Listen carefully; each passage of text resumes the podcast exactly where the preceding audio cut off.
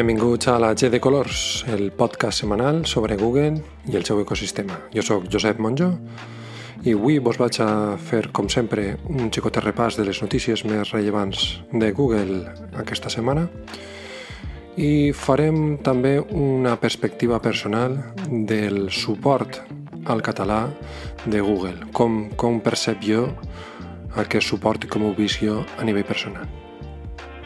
Comencem.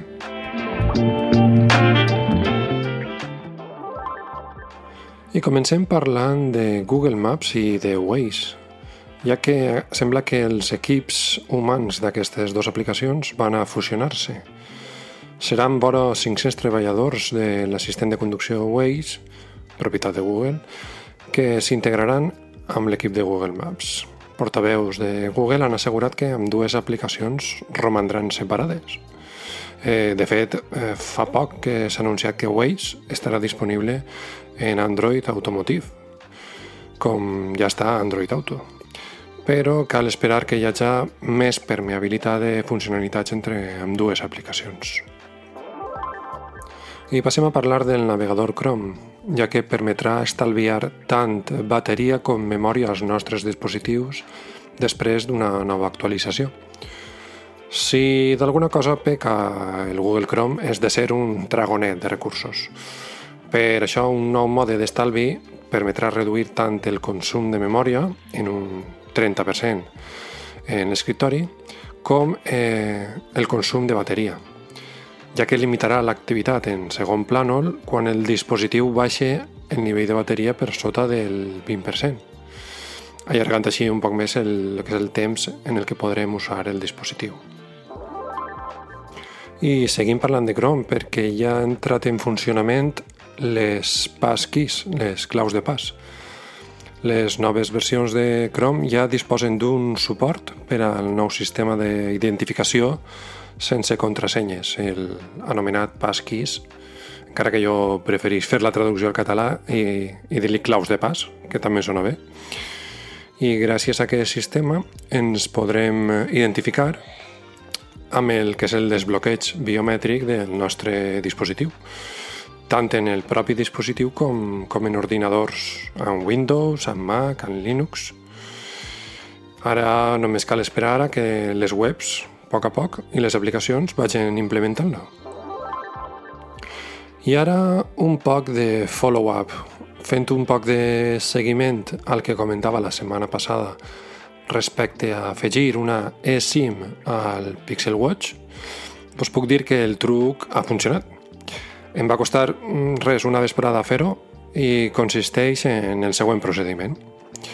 S'ha de sol·licitar una eSIM gratuïta de prepagament a Vodafone Alemanya, en aquest cas. Bueno, jo ho he provat en Vodafone Alemanya.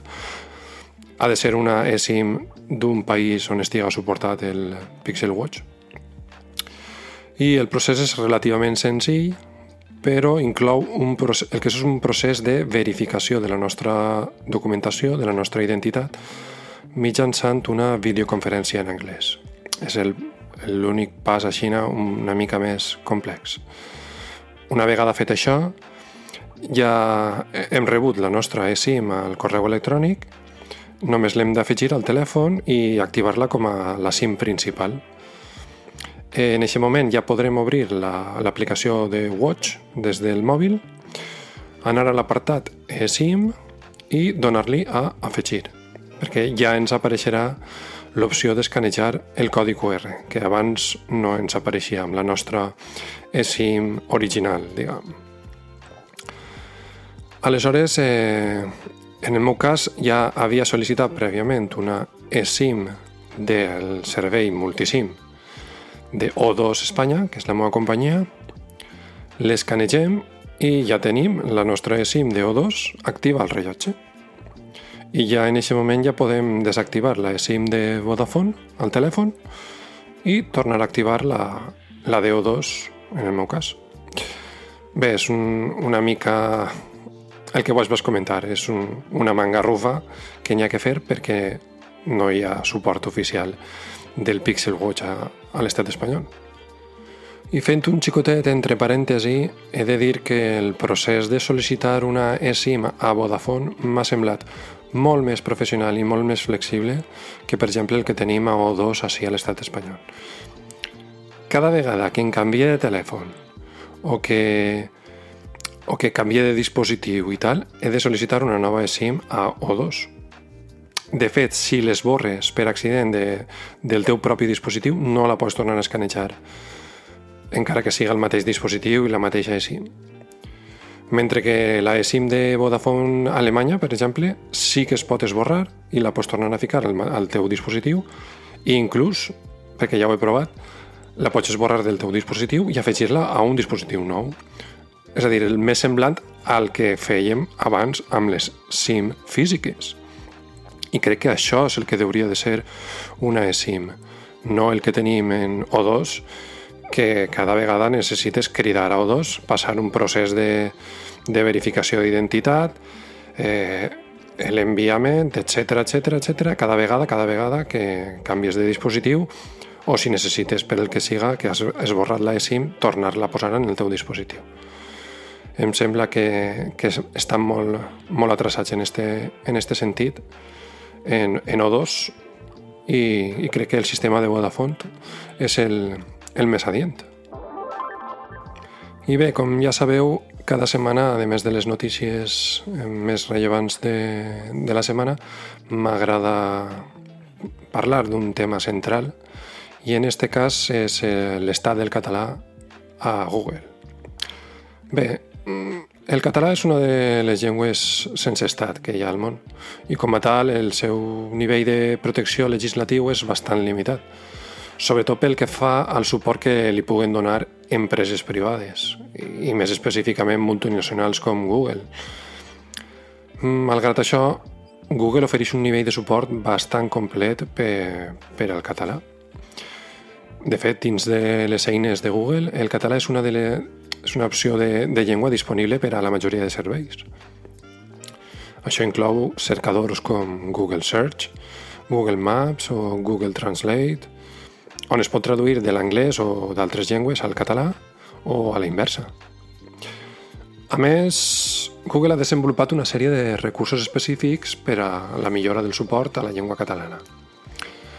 Així, per exemple, es pot accedir a guies i tutorials sobre com utilitzar els diferents serveis de Google en català o com millorar la qualitat de la traducció en aquesta llengua.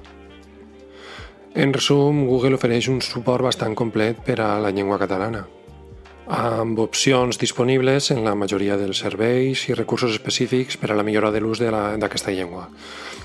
Això contribueix a fomentar la diversitat lingüística i a fer que els usuaris de la llengua catalana pues, puguen accedir a la informació i als serveis de Google de forma més còmoda i eficient. Però, malgrat tot, hi ha certes limitacions que es fan certament paleses, sobretot amb els productes més recents, evidentment.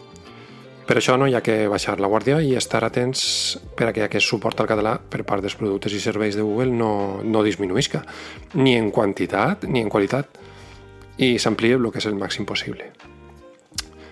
Per això he recopilat una xicoteta llista de productes i serveis amb els quals jo mateix personalment m'he trobat a faltar el suport del català però he de dir que no es tracta d'una llista exhaustiva ni, ni, ni, ni ho pretén ser. Simplement és una xicoteta mostra a nivell personal, de la meva experiència personal. De fet, si vosaltres teniu altres experiències on també trobeu a faltar el català, feu-me-ho arribar mitjançant Twitter a arroba la G de colors. Primer parlaré d'aplicacions. Hi ha, sobretot, un parell d'aplicacions en les que jo m'he trobat amb dificultats per tindre el dispositiu en català. La primera d'elles és eh, Fitbit. Eh, Fitbit és una aplicació que he començat a usar recentment eh, i entenc que es tracta d'una adquisició de Google i no d'una app feta per ells. Eh, S'ha de dir que l'adquisició la, de l'empresa Fitbit es va completar l'any 2021 amb una pandèmia pel mig, etc. O sigui que m'imagina que és qüestió de temps que acabe o bé integrant-se o bé combinant-se amb, amb el producte de Google, que és Google Fit. I per això no, no posa massa èmfasi en, en la traducció d'aquesta aplicació.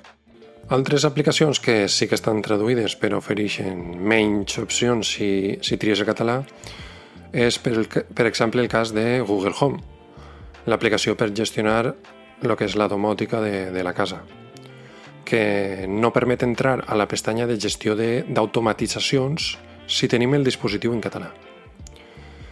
En canvi, aquestes mateixes automatitzacions sí que les podem gestionar a través de la configuració de l'assistent.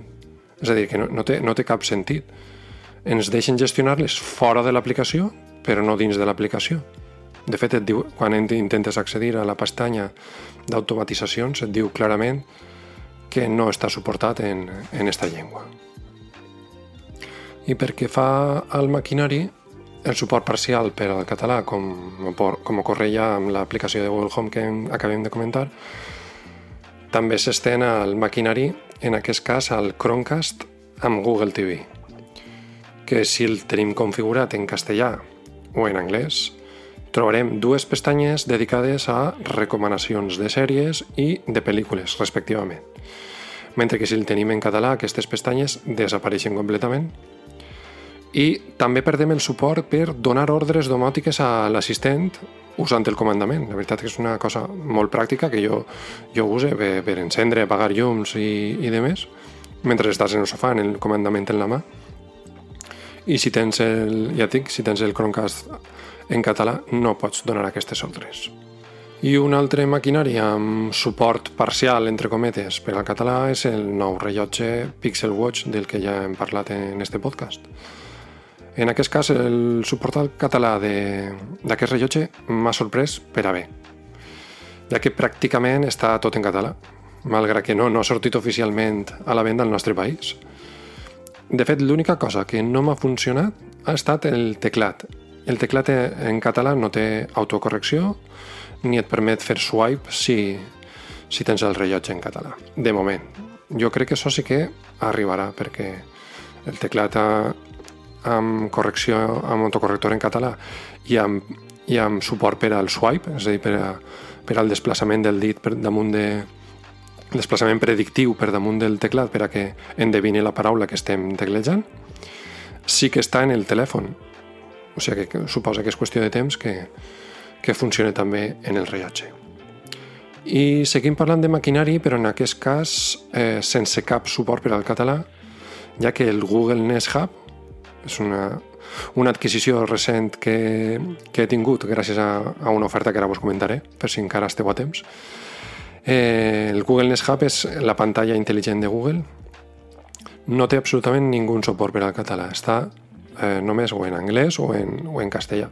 bueno, i en altres llengües, però en català no. I l'altra pantalla intel·ligent de Google, el Nest Hub Max, que és, és el que més m'interessava, ni tan sols està a la venda al nostre país. Dic que m'interessava més perquè el Nest Hub Max és el model que té càmera i, i la veritat que és pràctic per a, per a fer videocridades. I vos dia lo del Google Nest Hub que l'he comprat recentment gràcies a una promo que he vist en, en l'aplicació Woilet que si vas al Corte Inglés i pagues el Google Nest Hub amb l'aplicació Woilet se te queda en 35 euros la veritat és que és una, una ganga eh, per preu, si encara podeu eh, si encara esteu a temps a, a fer-ho servir, perquè crec que era fins el dia 20 o 21 de desembre, vos ho recomane. I passem a parlar de la joia de la corona de Google, que és l'assistent. L'assistent és una assignatura pendent, però des de fa mil·lennis. Però també cal dir que no és cosa només de Google. Cap dels tres grans assistents, ni Google, ni el Siri d'Apple, ni l'Alexa d'Amazon parla o entén el català. De fet, si tingués que triar només una de les coses que hem tractat avui per a que Google l'arreglés, si Google em diguera tria una cosa i jo l'arreglé ara mateix, seria aquesta sense dubte. Jo crec que faria un enorme salt cap a la normalitat de la llengua. L'últim cas que volia tractar és el del Pixel 7, bueno, el Pixel 7 però en, en este cas, que és el que tinc jo, i és un, un cas que m'ha sobtat perquè els nous telèfons Pixel tenen una característica que detecta si has patit un accident de trànsit i el que fa és avisar automàticament els teus contactes d'emergència i al servei 112. Però, per alguna estranya raó, si tens el telèfon en català, et diu que aquesta opció no es pot activar. L'excusa de que Google no parla català doncs no pot funcionar no em val, ja que hi ha altres funcionalitats, com ara el filtratge de trucades, que no sé si ho sabeu, però el filtratge de trucades és que si a tu et truca un número desconegut eh, et deixa apretar un botó en el qual Google és el que contesta el telèfon, eh, parla amb l'altra persona, li pregunta qui és i què vol, i tu, mentrestant, veus una transcripció d'aquesta conversa. Si t'interessa despenjar el telèfon, ja despenges, i si no, és Google el que fa aquest filtratge de trucades. Aquest filtratge funciona eh, amb el telèfon en català, malgrat que, evidentment, eh, eh, Google parla castellà, però la, la funcionalitat la pots usar. Mentre que en la detecció d'accidents, que jo crec que seria més interessant, mm, no sé per què, no, han fet que no siga compatible. Quan seria tan fàcil com deixar-nos que, que aquesta funcionalitat estiga eh, disponible encara que siga parlant en castellà als serveis d'emergències. Dit això, jo crec que hem d'usar-la, hem de tindre els nostres dispositius en català, perquè això és el que va fer que Google eh, veja la necessitat, veja la demanda, veja que hi ha mercat. Eh, no oblidem que és una empresa privada i com a tal busca benefici. I si veu que hi ha mercat, si veu que hi ha demanda, donarà exactament igual que no tinguem un estat o que el tinguem o que el deixem de tindre si hi ha una comunitat forta al darrere, i la, jo crec que la comunitat catalanoparlant és molt forta a internet, eh, podem fer que les coses canvien i les coses vagin a millor. I això és tot el que tenia que contar-vos esta setmana. Espero que vos hagi agradat. Teniu, com sempre, els enllaços a les notes del programa per si voleu ampliar alguna informació de lo que hem parlat i res, ens escoltem la setmana que ve. I recordeu, no sigueu malvats. Thank you.